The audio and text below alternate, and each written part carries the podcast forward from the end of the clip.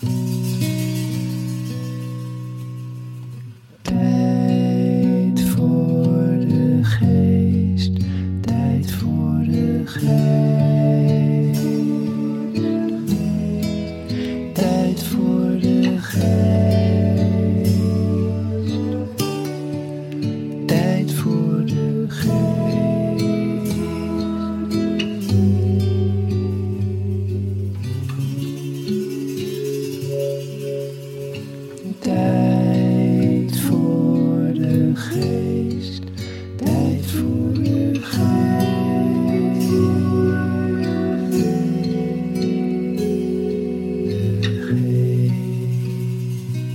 Welkom bij Tijd voor de Geest, een podcastserie van Museum van de Geest en Flow Magazine. In deze serie komen onder andere kunstenaars, schrijvers, illustratoren en fotografen aan het woord.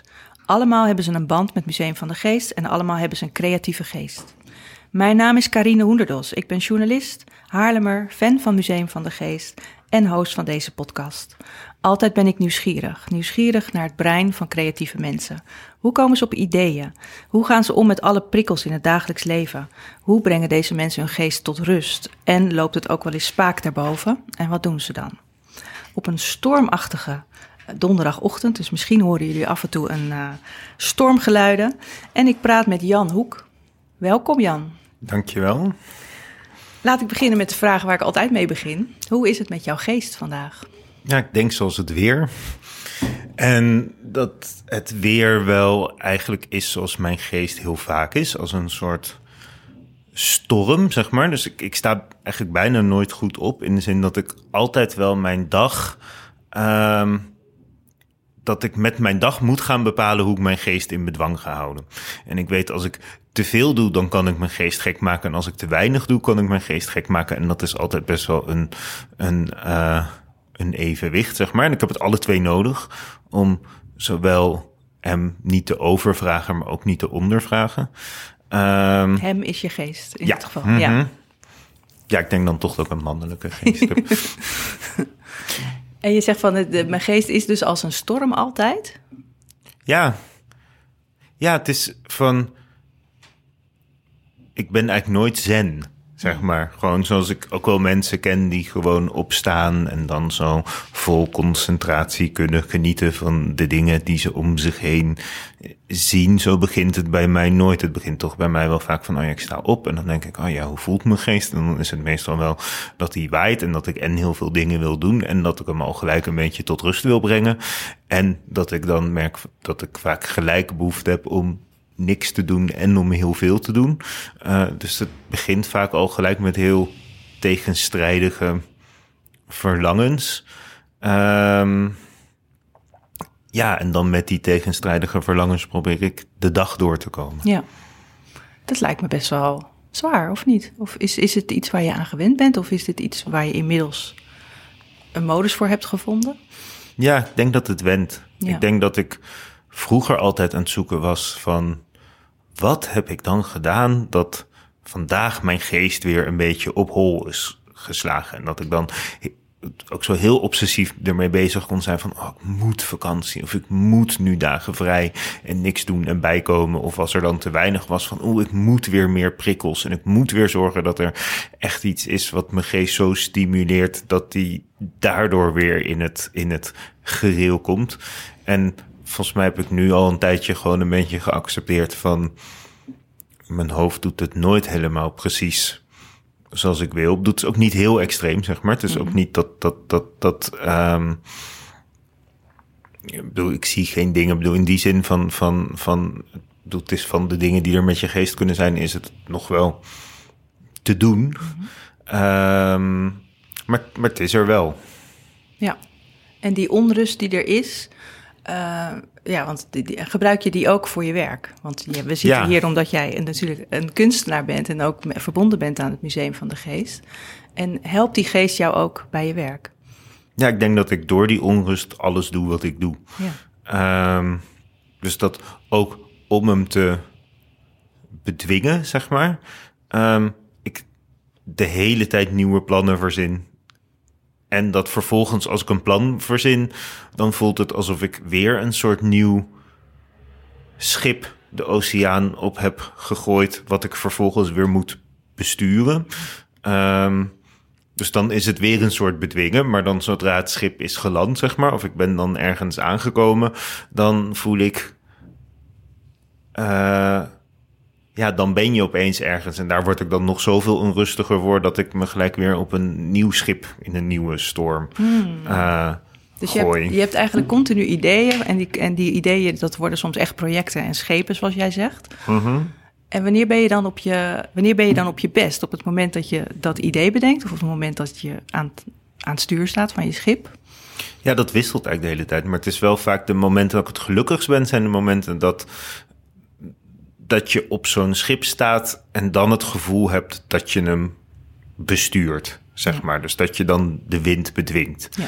Ehm, maar ik weet dat er bij elk proces is er eerst een moment dat je eerst heel lang niet weet wat het schip moet zijn en waar het naartoe moet en welk zeil je dan nodig hebt. Of gewoon hoe je dat schip moet aankleden en wie er mee moeten op het schip. En dat is dan heel vaak puzzelen. En dan, en dan ben je op het schip en dan is het ook een soort, soort, soort uitzoeken van, oh ja, hoe moet je varen? En als je dan, en dan vaak is er een moment, en dat vind ik dan ook leuk, dat dat dan elke keer weer een compleet ander schip is. En dat dat ook echt de meest krankzinnige schepen mogen zijn, zeg maar. Van, van die je echt nooit had kunnen verzinnen. Dat die ooit op de zee hadden kunnen varen. En ook met een crew waarvan je nooit had verwacht dat die allemaal mee op datzelfde schip kunnen.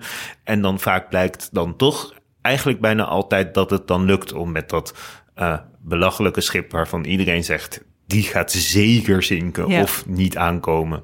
En dat je dan een tijdje toch merkt van... haha, we zitten er allemaal op. En met dit belachelijke schip varen we in de goede directie. Ja, ja. ja daar komen we zo op. Want ik vind inderdaad dat jij echt de meest uiteenlopende projecten hebt eh, verzonnen in je hoofd en ook ten uitvoering gebracht. Ehm, laten we kijken naar zo'n project. En dat is dat jij, eh, net als de, een van de vorige gasten, Anneleen Lauwers, dat jij in een, eh, op een psychiatrische afdeling in een ziekenhuis in New York drie maanden was. eh, als artist in residence. Ja, van Beautiful Distress. Ja, van Beautiful Distress. En ehm, ja, hoe was dat voor jou? Heerlijk. Ehm, Dus niet het antwoord dat ik had verwacht. Maar, ja, nee, echt. Ik voelde me daar zo verschrikkelijk thuis op de een of andere manier. Want we sliepen dus in een... eh, mijn beste vriend was mee, eh Wieger Windhorst. En we sliepen op een verlaten gang van het ziekenhuis.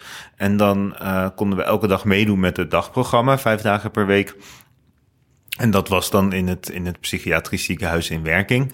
En op de een of andere manier in zo'n setting eh, f- ja, functioneer ik, ik dan zo goed in die, die gekte van ook zo'n compleet verlaten gang, zo met echt zo lagen met stof waar je dan elke dag doorheen moet om dan in een soort piepklein, soort voormalig zusterskamertje te komen, waar dan één, één, één zo'n bed staat en, en, en dat je dan elke dag via een soort ondergrondse tunnel naar het ziekenhuis in werking kan lopen.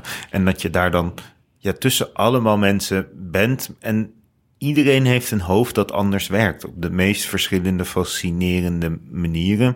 En daarom was het ook een heel gelijke plek, omdat het een plek was waarin niemand dat hoefde te verbergen en iedereen in zijn eigen anders zijn ook heel erg ge- gelijk was. En dat, dat, dat gelde dan ook voor ons. ja. En dat vond ik eigenlijk heel erg fijn. En dat ik, dat ik me eigenlijk gelijk thuis voelde tussen alle verschillende mensen die daar waren. En, wat, en dat thuisvoelen, was dat dan een gevoel van herkenning? Van, oh, of gewoon van, ja, alles wat hier is mag hier zijn, dus, dus ik mag er ook zijn. Wat, wat was het precies? Ja, ik denk alle twee. Ik denk dat ik me altijd wel herken, herkend heb in breinen die anders werken. En ik denk dat ik het ook fijn vind om in mijn element te zijn. Wat is dat ik denk dat. Ik kan heel veel dingen niet, maar ik denk dat datgene wat ik. zoals autorijden. Maar wat ik wel kan, is denk ik in mensen waar heel veel andere mensen dat niet in kunnen zien. hun heel specifieke eigen unieke talent of eigenheid zien. En ja, en dat kwam daar, dat was echt precies, denk ik, wat ik daar nodig had voor wat ik daar deed. Ja. En daardoor denk ik ook dat het heel waardevol was, omdat ik daar kwam en ik ging een, eh, een comic maken. Ik had specifiek voor een comic gekozen, omdat ik iets wil maken in een medium wat niet eh, verheven was, zeg maar, boven de mensen die daar zaten. Ehm, eh, want dan creëer je gelijk afstand. Eh, en comics kent iedereen, want het is gewoon ook Batman en Superman. En eh, de comic heette Mental Superpowers. Dus het ging ook over de mogelijkheid om een andere geestesgesteldheid niet alleen als een eh, ziekte of een afwijking te zien, maar ook als een superkracht. En dan refereert het dus ook naar het medium van de superhelden. Dat vond ik er mooi aan.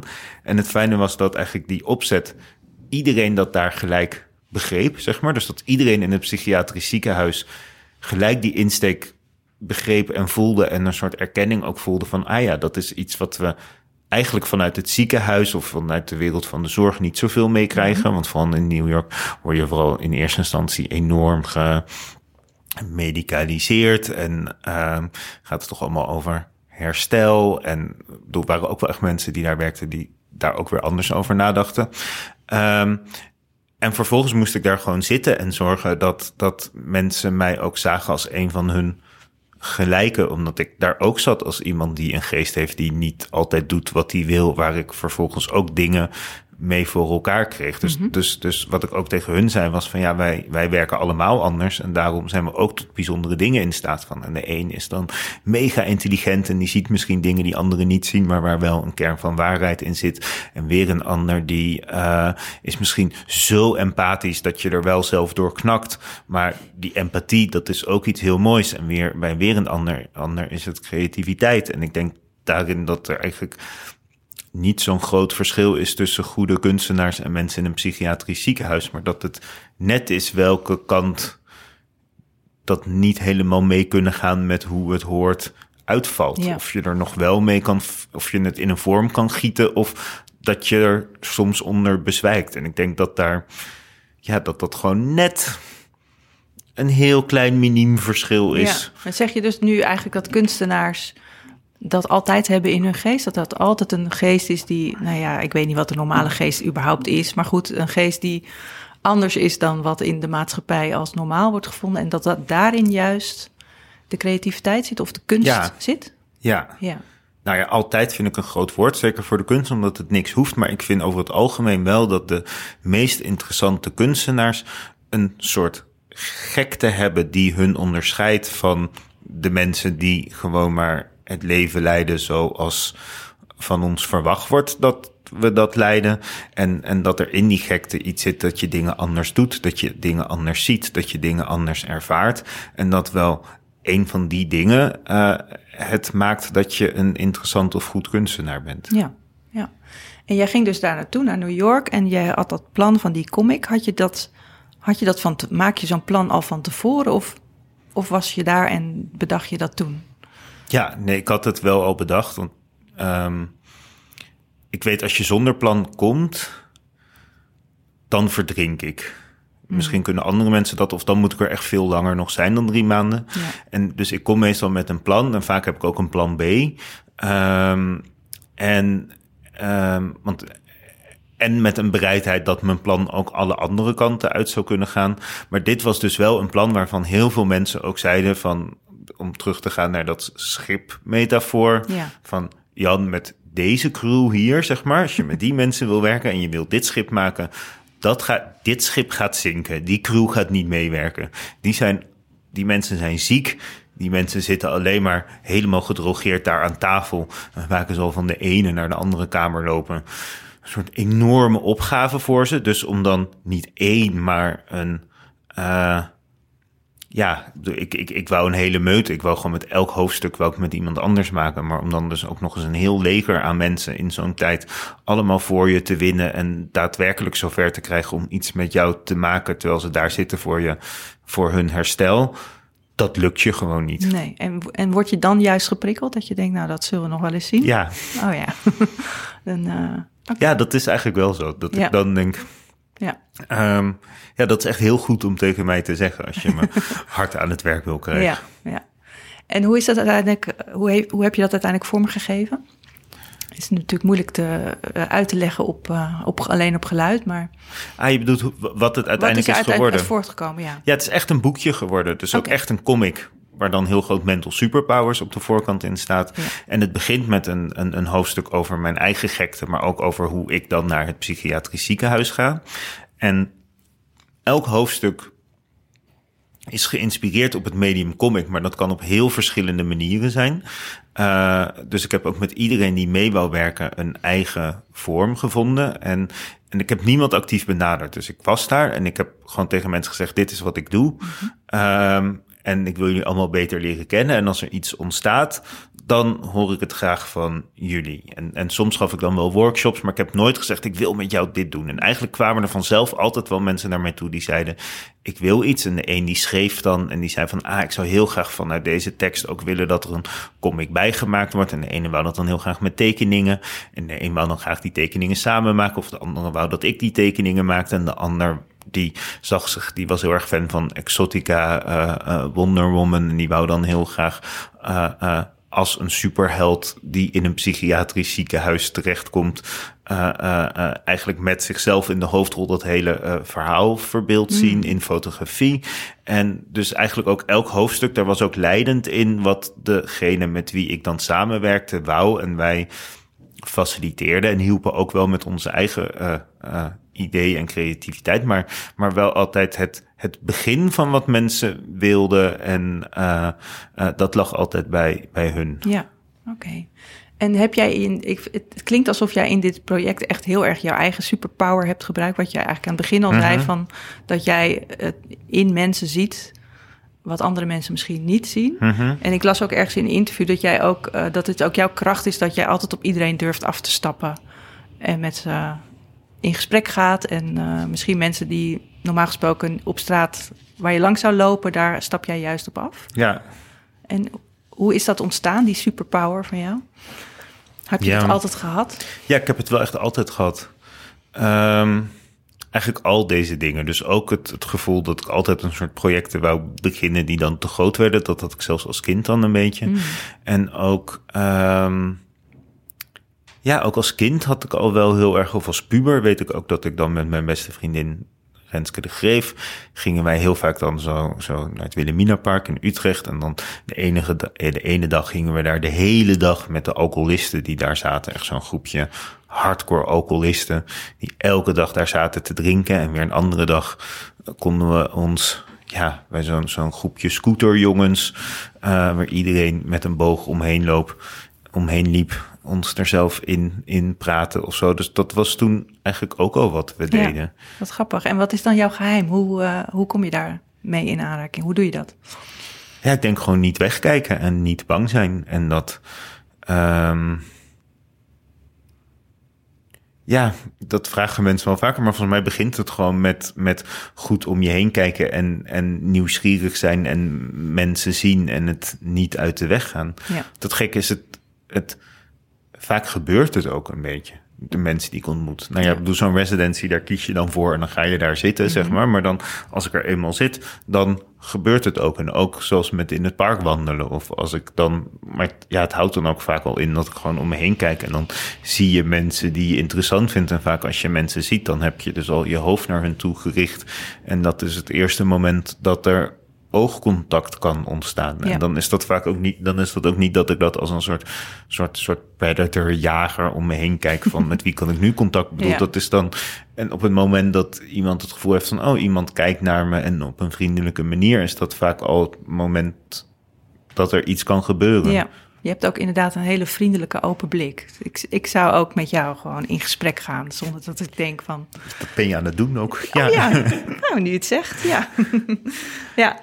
En um, um, jouw, jouw werk, de rode draad in jouw werk, als die er überhaupt is, dat weet ik niet. Want mm-hmm. uh, die schepen, nou ja, oké, okay, die gaan dus ja, mm-hmm. alle kanten op. Uh, de, alle wereldzeeën gaan die over. Maar um, wat ik dan zie als rode draad is dat jij mensen portretteert, op wat voor manier dan ook. En dat jij ook de relatie tussen jou en die mensen zo duidelijk maakt in je werk. Ja, hoe, dat begon al met je afstudeeropdracht. Mm-hmm. Dat was een, uh, ik, een, een film, die heb ik ook gezien over, uh, hoe heet die, Me and My Me Models. And My Models, ja. Over ja, welke mensen je voor de camera hebt en wat het verhaal dan daarachter was. En hoe die mensen bij jou kwamen en uh, hoe ze op jou reageerden. vertel eens over die, over die film als je, als je wil. Ja, het is misschien al een tijd geleden. Maar... Ja, maar het is wel hoe alles begonnen is. Ja, en ik denk wel dat, dat, dat, dat ik dat een soort de basis daarvan is dat ik eigenlijk ook toen ik op de Rietveld eh, begon, ook met fotograferen, ik ook al merkte van oh, op het moment dat je mensen fotografeert, neem je ook altijd je eigen eh, karakter, specifieke karakter mee.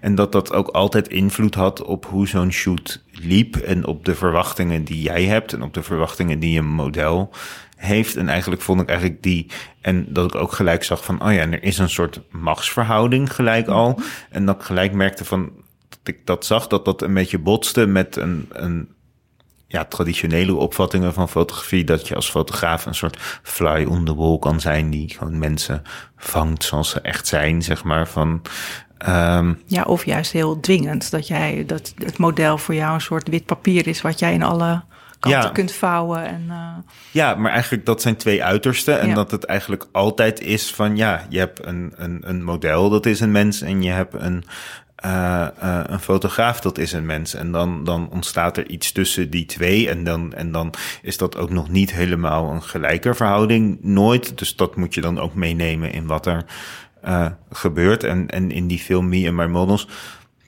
was ik eigenlijk als iemand die daar nooit eerder over had nagedacht, dat gaan onderzoeken. Wat zijn dan de dingen die er gebeuren? En ik denk dat ik in die film ook heel erg inzoomde juist op de pijnlijke dingen die dan soms ontstaan, op de eh, verwachtingen die soms botsen, op de teleurstellingen die er aan mijn kant kan staan of aan de andere kant op het moment dat je eigenlijk gewoon heel graag vrienden met iemand wil worden op een soort eh, of andersom, dat iemand eigenlijk heel graag vrienden met jou wil worden, maar je hebt eigenlijk iets heel anders voor ogen en ook over de dingen die je daar weer bij voelt. Dus dat. geef eens een paar voorbeelden daarvan.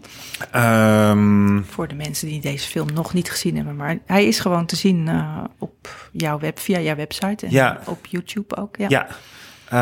Ehm, nou, vond ik weet dat het soms ook gaat over je eigen ongemak. Ik heb nu een voorbeeld van.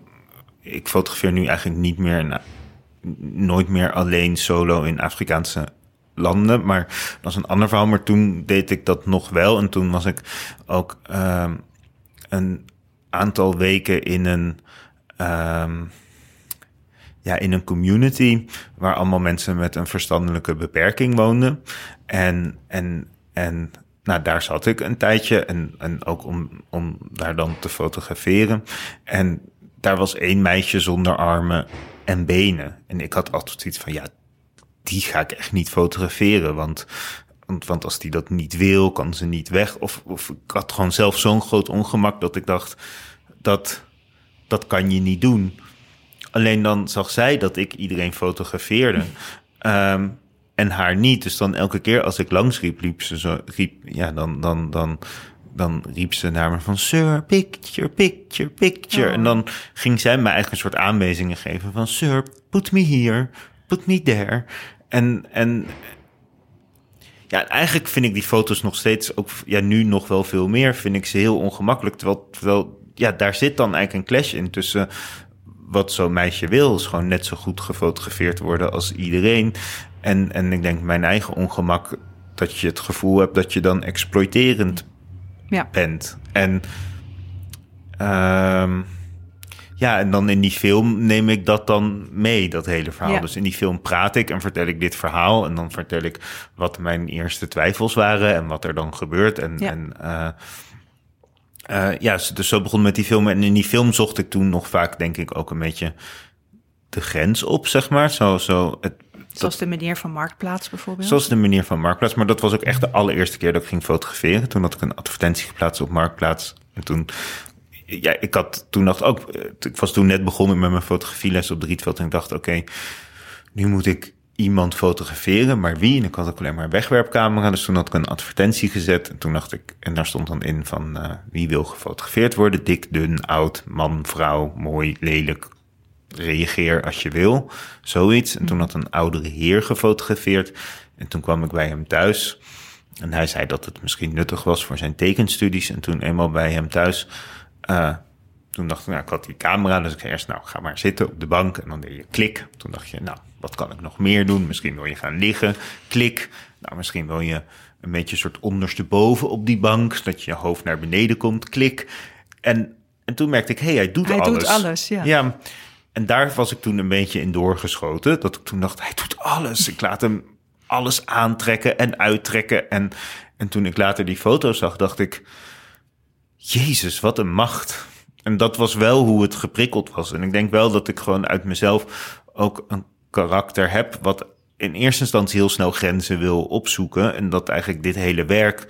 ehm, ik zou dit werk nu niet meer zo maken. Ik bedoel, dit is ook meer dan twaalf jaar geleden. En ik vind ook wel dat nu de wereld en de tijdsgeest zo ver is, zeg maar, dat, dat eh, wat exploitatie is eigenlijk al nu zo goed onderzocht is, zeg maar, dat als ik dit werk nu zou maken, dan en ik zou dat dan zien, dan denk ik, dan zou ik gewoon denken van ja, Maar zijn jouw grenzen dan dus eigenlijk verkleind daarin? Of, of Nee, de kennis in de wereld is vergroot daarover. Dus Ja. ik denk dat dat één ding is. Dat je, dat je dat niet meer op die naïeve manier kan doen zoals ik dat toen deed. Omdat ik dan gewoon zou denken van... Hey, ik bedoel, lees gewoon eens een krant of zo. Van, van, van, van, van iedereen weet nu wat exploiterend is. En iedereen weet nu veel meer dat die machtsverhoudingen er zijn. En dat, en dat je daar op een andere manier mee moet omgaan. Maar ik denk dat het toen nog wel een soort kantelpunt was. Dat dat ook wel goed was dat dat onderzocht werd. En daar werden ook heel veel mensen boos om.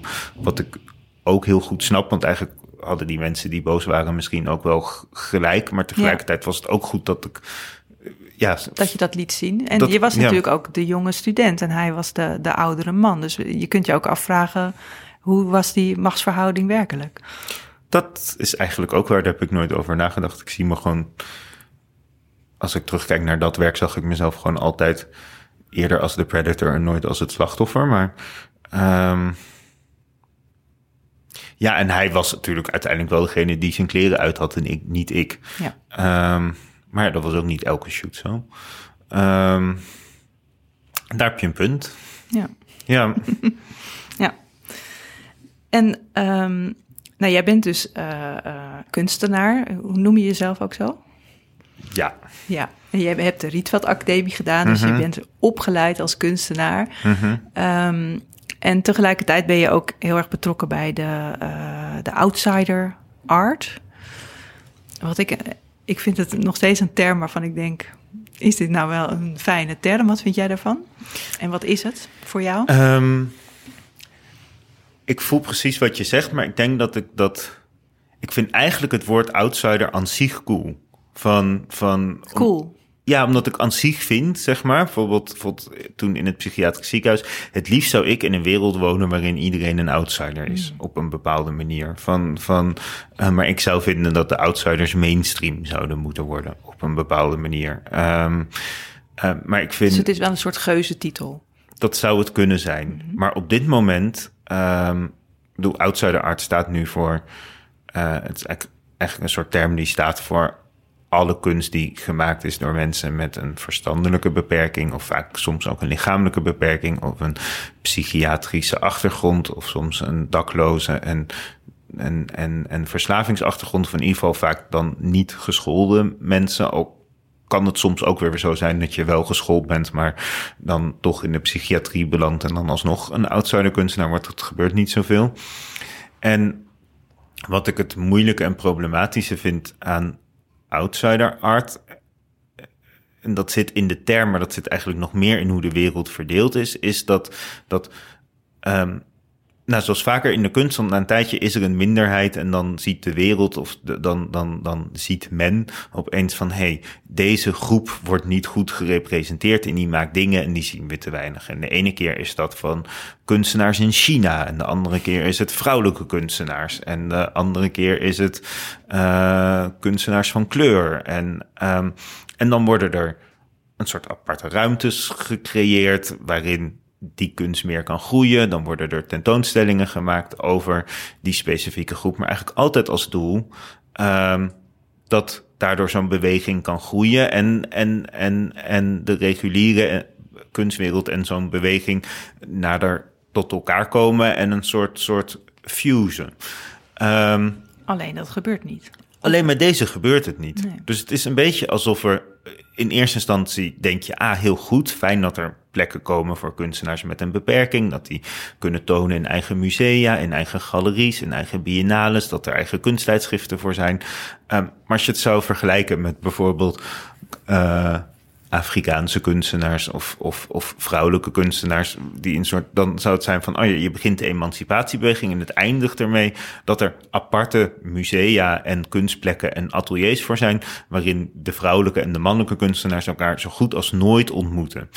Um, en dat vind ik best wel raar, dat ik bijvoorbeeld ja, in mijn studio vier dagen per week is Bruin Paris daar. Dat is een kunstenaar die um, uh, nou, die zelf heel duidelijk zegt dat hij niet gedefinieerd wil worden als iemand met Down-syndroom. Um, dus hij wil ook niet speciaal op dat soort plekken tentoon nee, stellen. Dat snap en ik heel goed. Ja. Dat snap ik ook heel Ja. goed. En je ziet ook bij mij eh, werkt het heel goed, omdat hij nu, nu eigenlijk, nu die bij mij werkt, ontmoet hij de hele tijd allemaal andere kunstenaars. En, en hij, hij heeft een compleet andere manier van werken, die veel mensen met wie ik werk heel inspirerend vinden. En ook een andere sociale omgang die mensen, ja, die ook juist heel, heel vaak heel fijn en verfrissend is. Dus we, dus ik probeer hem een soort plek te geven waarin ik hem niet een soort, soort, soort, soort, soort white wall wash zegt, dat ik hem niet een soort probeer te veranderen in de reguliere kunstwereld, maar waarin ik een soort kijk Zijn van superpower. ja, gebruik- optimaal kan benutten. Ehm, en, en dat vind ik dus het probleem met outsider art. Dat, dat, dus, dat ik denk van, van, ja, ik vind al die plekken, die doen fantastisch werk. En ik werk met hen allemaal samen. En, en ze hebben allemaal de eerste stap gezet, die hele wereld met elkaar. Om te zorgen dat alle, voor- bijvoorbeeld kunstenaars met een beperking, nu ook kunst kunnen maken. En het ergens getoond kan worden. Maar ik vind het wel heel erg tijd voor een volgende stap. Dat zowel de reguliere kunstwereld zich veel meer gaat openstellen voor alle kunst die nu gelabeld wordt als outsider art. En dat tegelijkertijd in de wereld van de outsider art er veel meer verbinding gezocht gaat worden met de gewone creatieve Ja. wereld. Ja, want jij zei heel in het begin ook al van bijna elke kunstenaar heeft een outsider brein, zullen maar Ja, zeggen. het verschil is, ook, is eigenlijk ook helemaal niet zo groot. Nee. Dus het is ook een soort heel, Kunstmatig verschil eigenlijk. heel kunstmatig verschil, wat echt gaat over. eh, nou ja, ik bedoel, met mannelijke en vrouwelijke kunstenaars kan je ook zeggen dat het gender misschien een, een, een, een, een beetje een kunstmatig construct is, zeg maar. Maar er zit dan nog ergens een duidelijkere scheidslijn. Al gaat dat ook vaak niet op. Maar met deze denk ik ook heel vaak van ja, in sommige. Ja, het is gewoon zo net als je over de ene helft valt, dan val je in die groep. En zo iemand als Bruin, als die dan eenmaal bij een outsider art atelier zit, is de kans dat hij dan ooit nog een solo krijgt in het stedelijk echt zo goed als nihil. Ja. Ja, terwijl er eigenlijk ook heel veel werk is van mensen die, ja, een Karel Appel of een Picasso of zo, die werken eigenlijk niet heel anders. Die werken ook vaak gewoon heel instinctief en, ehm, en dan wordt dat gezien als briljant. Ehm, dus dat is ook heel erg hoe we het labelen. ja. Hoe label jij jezelf? Als een outsider of als een Ja, dat- insider? Dat ligt aan de definitie, maar ik, ik, ik ga een nieuwe kunstruimte beginnen. Dat komt er aan, gaat open zodra dat mag van corona. En dat is in Super Sexyland World in Noord, een nieuwe, Oh ja. nieuwe plek. En die gaan we wel, die wil ik, ik moet dat nog overleggen met meer mensen, maar mijn plan is nu om het outsiderland te noemen. En dat we daarin eigenlijk een soort nieuwe definitie van een outsider willen maken. Dus dat we eigenlijk zeggen van dat het een plek is waar kunstenaars bijvoorbeeld met een verstandelijke beperking of een dakloze achtergrond of al die outsider kunstenaars zijn daar welkom en hun gekte mag daar bestaan. Maar, maar daarin niet afgezonderd van, maar dat ook de beste kunstenaars die wel nu meedoen met het systeem, dat het een plek moet zijn waar zij net zo graag komen en misschien nog wel liever komen. Omdat eigenlijk ook kunstenaars als, als ik of als Anneleen of als kunstenaars van andere bepaalde minderheden die, die daarom, ja, wat ik eerder zei, waarin ook de vrouwen, de queers, de mensen van kleur, de eh, zelfs hetero mensen met een, met een heel bijzonder brein ehm, zich welkom voelen.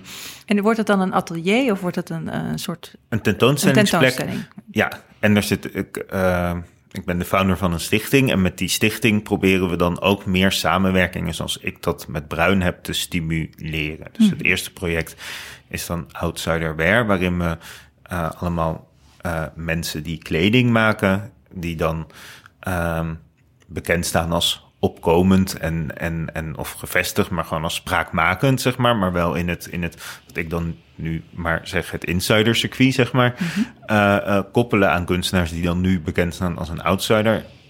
Uh, kunstenaar, maar waarin we ze eigenlijk heel erg koppelen op wat ze gemeen hebben. Dus bijvoorbeeld hier om de hoek zit dan, het, ja, we zijn nu in de Hermitage, waar je het Outsider Art Museum hebt en de Outsider Art Gallery. En daar zit bijvoorbeeld één kunstenaar, Regidio Benjamin.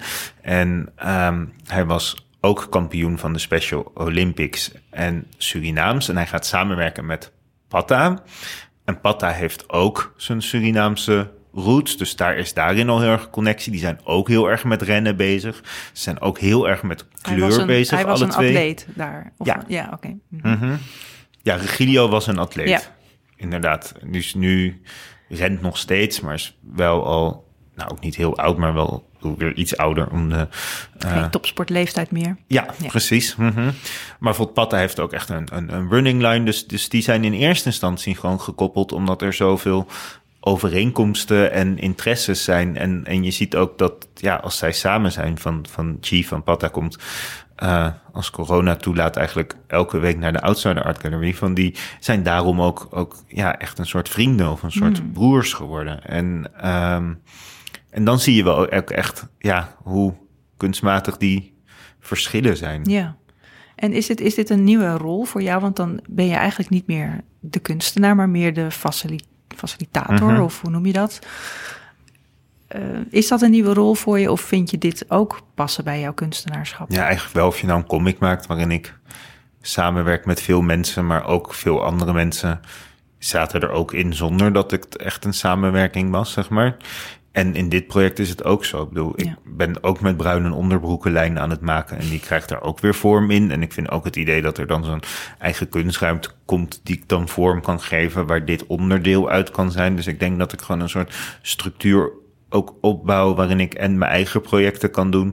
En, en waarin ik hoop dat ik de wereld iets meer kan vormgeven zoals ik denk dat die vorm gegeven moet worden. Maar het begint toch gewoon altijd met een je hebt een idee en je gaat het uitvoeren. Ja.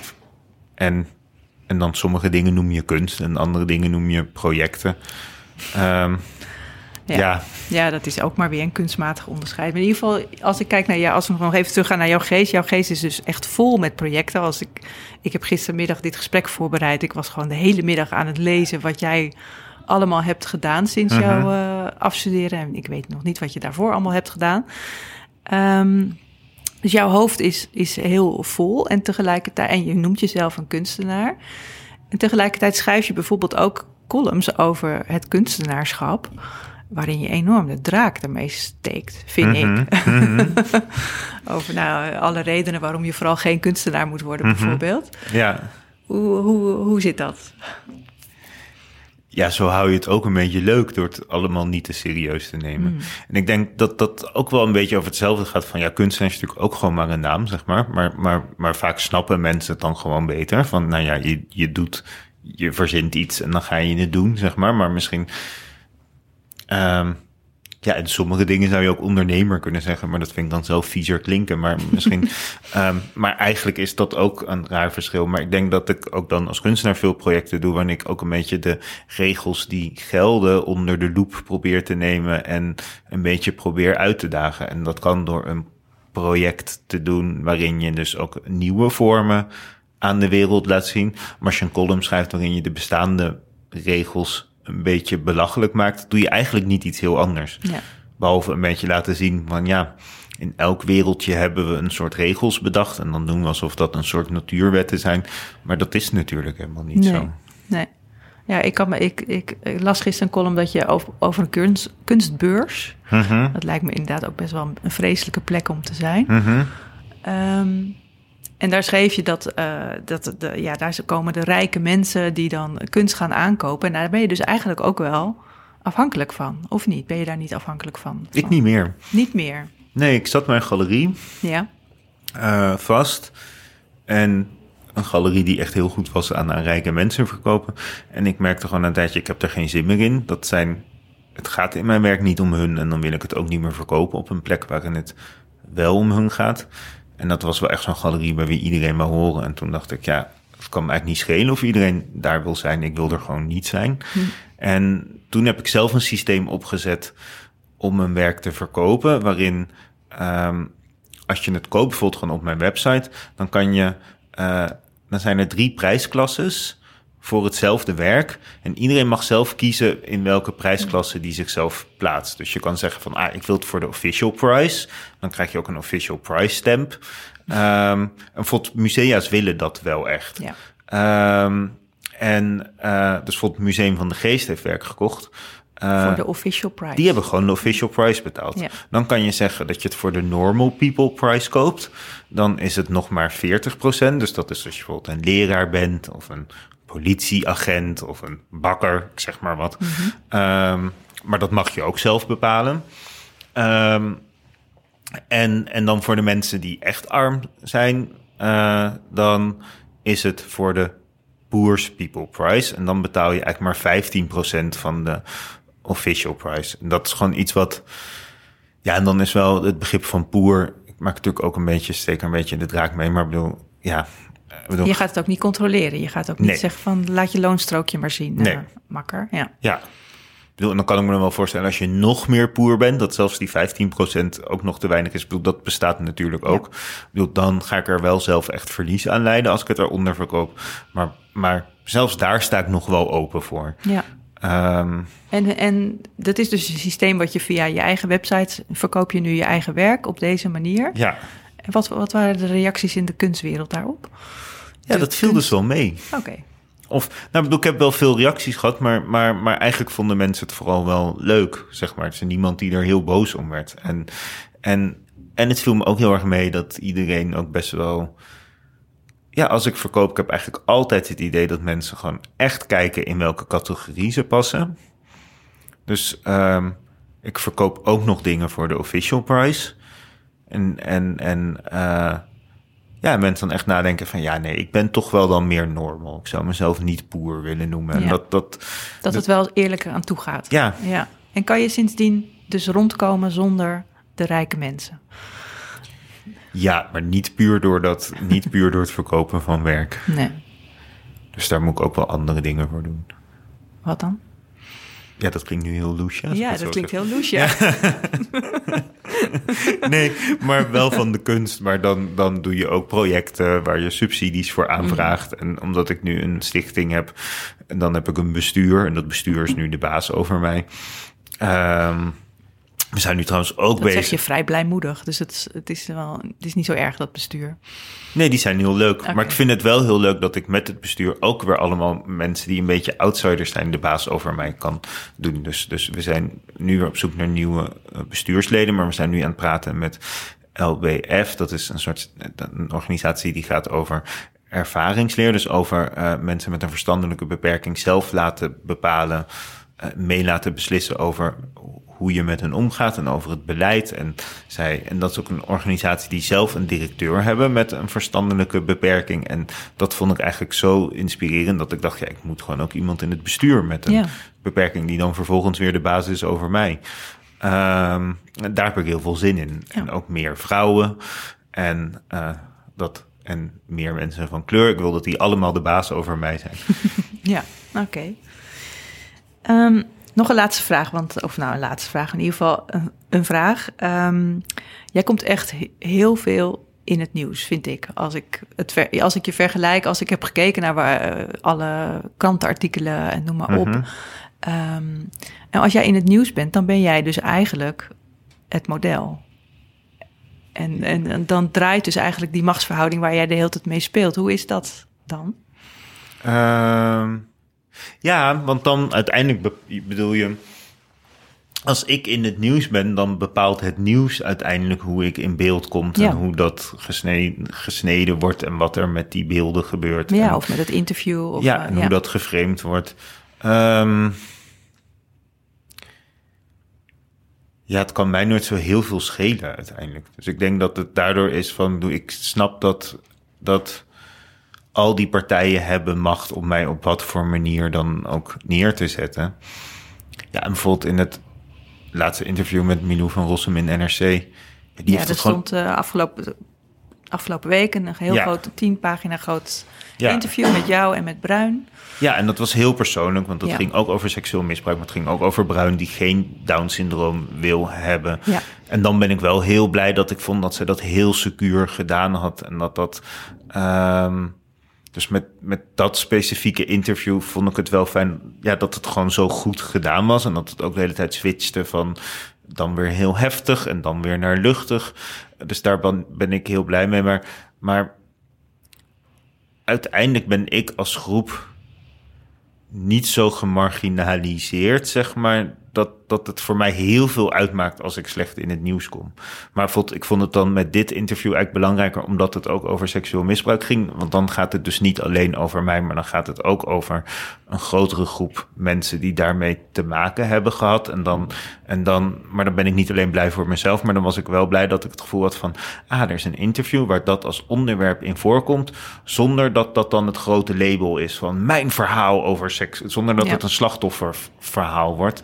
En ja, dat vond ik dan heel fijn dat dat gelukt was. Ja. Ehm, maar daar heb je Wil niet je daar altijd iets over macht vertellen over. Of, over dat verhaal? Of denk je van, nou, dat is... eh, Ja, dat is misschien als we niet meer zo heel veel tijd hebben, dan wil ik daar wel echt de tijd voor Ja, hebben, dat zeg maar. Dus dan wil ik gewoon mensen aanraden om dat dan maar in ja, de dat krant was, te het lezen. was inderdaad... eh, Ja. Mhm. Nou ja, het ging heel, even heel kort. Het ging over een ervaring van jou in het verleden. Ja. En hoe dat eigenlijk ook wel... op de crash en hoe dat dan doorwerkte weer in mijn puberteit en Ja. hoe dat dan eigenlijk ook weer doorwerkt in al mijn werk. Ja, Ja. ja. En ik, en ik- ja, ik wil dat er wel over zeggen. Dat, dat, dat ook ik zo fijn vond aan dit verhaal is dat. Ik denk ook rondom seksueel misbruik. wordt dat nu zo vaak. Mensen vinden dat zo heftig. dat als daar. Dat, dat er dus heel veel mensen daarom er niet over praten. En als er over gepraat wordt, lijkt het ook alleen maar daarover te gaan. Zeg Ja. maar. Dus dan wordt iemand alleen nog maar dat seksueel misbruik. En ik vond het in dit verhaal dus zo fijn dat het zo ge, Genuanceerd was. Ja, ja, en gesandwiched in een veel groter verhaal. Ja. Dus dat je in dat verhaal zag van ja, een Jan is zeg maar zoveel meer. En het heeft ook tot dingen geleid die heel goed zijn. Ja. En, en tot dingen die minder goed zijn. En, en, en, en, en al die dingen hebben met elkaar te maken. Ook, ook alle andere dingen. En zelfs een samenwerking met Bruin. En zelfs dat je voor mensen wil zorgen. En dat je ehm, een geest hebt die anders werkt. En, en, en, maar dat dat dus niet meer een losstaand iets is. En dat vond ik wel heel fijn, omdat ik het gevoel heb van dat dat wel echt heel goed is Ja. voor eh, de beeldvorming. Ja, ja. Je bent meer, je bent gewoon veel meer dan dat. Maar Ja. gelukkig is dat ook zo in dat verhaal naar voren gekomen. Ja, Vond ik ook heel mooi. Ja, ja. Oké. ehm, nog, eventjes, nog eventjes een beetje reclame voor jezelf. Want er komt hier een tentoonstelling in de Outsider Mhm. Art Gallery. museum en Eh, gallery. museum. Oh, Ja, alle twee. alle twee. Nou, om het. ehm, op dit moment is er nog in de Outsider Art Gallery, maar ik denk op het moment dat dit wordt uitgezonden, dat het niet meer zo is. Een monster tentoonstelling die ik gecreëerd heb. Maar het Outsiderwerk-project waar ik over vertelde, waarbij we mode, ja, eh, mensen die kleding maken, succesvolle mensen, eh, koppelen aan outsider kunstenaars. En we hopen en denken nu dat we eh 4 juni dat dat gaat lukken. En dan komt er een lounge in de Melkweg. En dan gaan we met het Outsider Art Museum... eh, de- nou, we gaan op verschillende plekken in de stad tonen. Dus ook in de Outsider Art Gallery. Ook in de nieuwe ruimte in Super Sexyland World. Maar ook in het Outsider Art Museum. En daar gaan Duran Lantink... die zit in een heel groot project met theatergroep Lebel. Dat is een theatergroep waar ook heel veel... eh, voornamelijk eh, acteurs met een beperking zitten. En Duran Lantink is een modeontwerper. Een modeontwerper. Ja, en ehm, een hele leuke. En die gaan echt iets heel wilds doen, want die gaan daar echt een beetje de, de, de factory van Andy Warhol laten herleven. Eh, eh, maar dan à la nu. En de factory was vroeger ook een soort plek waar een soort supersterren en een soort outcasts, een soort hand in hand gingen en samen krankzinnige projecten deden. En Duren wil dat dan op zijn manier nu weer gaan doen met theatergroep Lebel, maar ook met andere kunstenaars. En dat is vanaf 4 juni en op outsiderware.nl kan je alle informatie lezen. Oké, outsiderwerk.nl. Mooi, Jan, dankjewel voor dit gesprek. Je luisterde naar Tijd voor de Geest, een podcast van het Museum van de Geest en Flow Magazine. De producer is Jonne Seriese, de tune is van Spinvis en mijn naam is Karine Hoenderdos. Wil je meer weten over het museum, over deze podcast of over Flow Magazine? Kijk dan www.museumvandegeest.nl of www.flowmagazine.nl. Dit was de zesde aflevering van Tijd voor de Geest. Abonneer je op deze podcast bij iTunes en laat een review achter. Of deel deze podcast met vrienden en familie, zodat zij ook eens tijd maken voor de geest. Of ga naar vriend van de show slash tijdvoordegeest.nl en dan kun je vriend worden van de show. Dan kun je jezelf abonneren, een review achterlaten of een donatie geven. Dankjewel.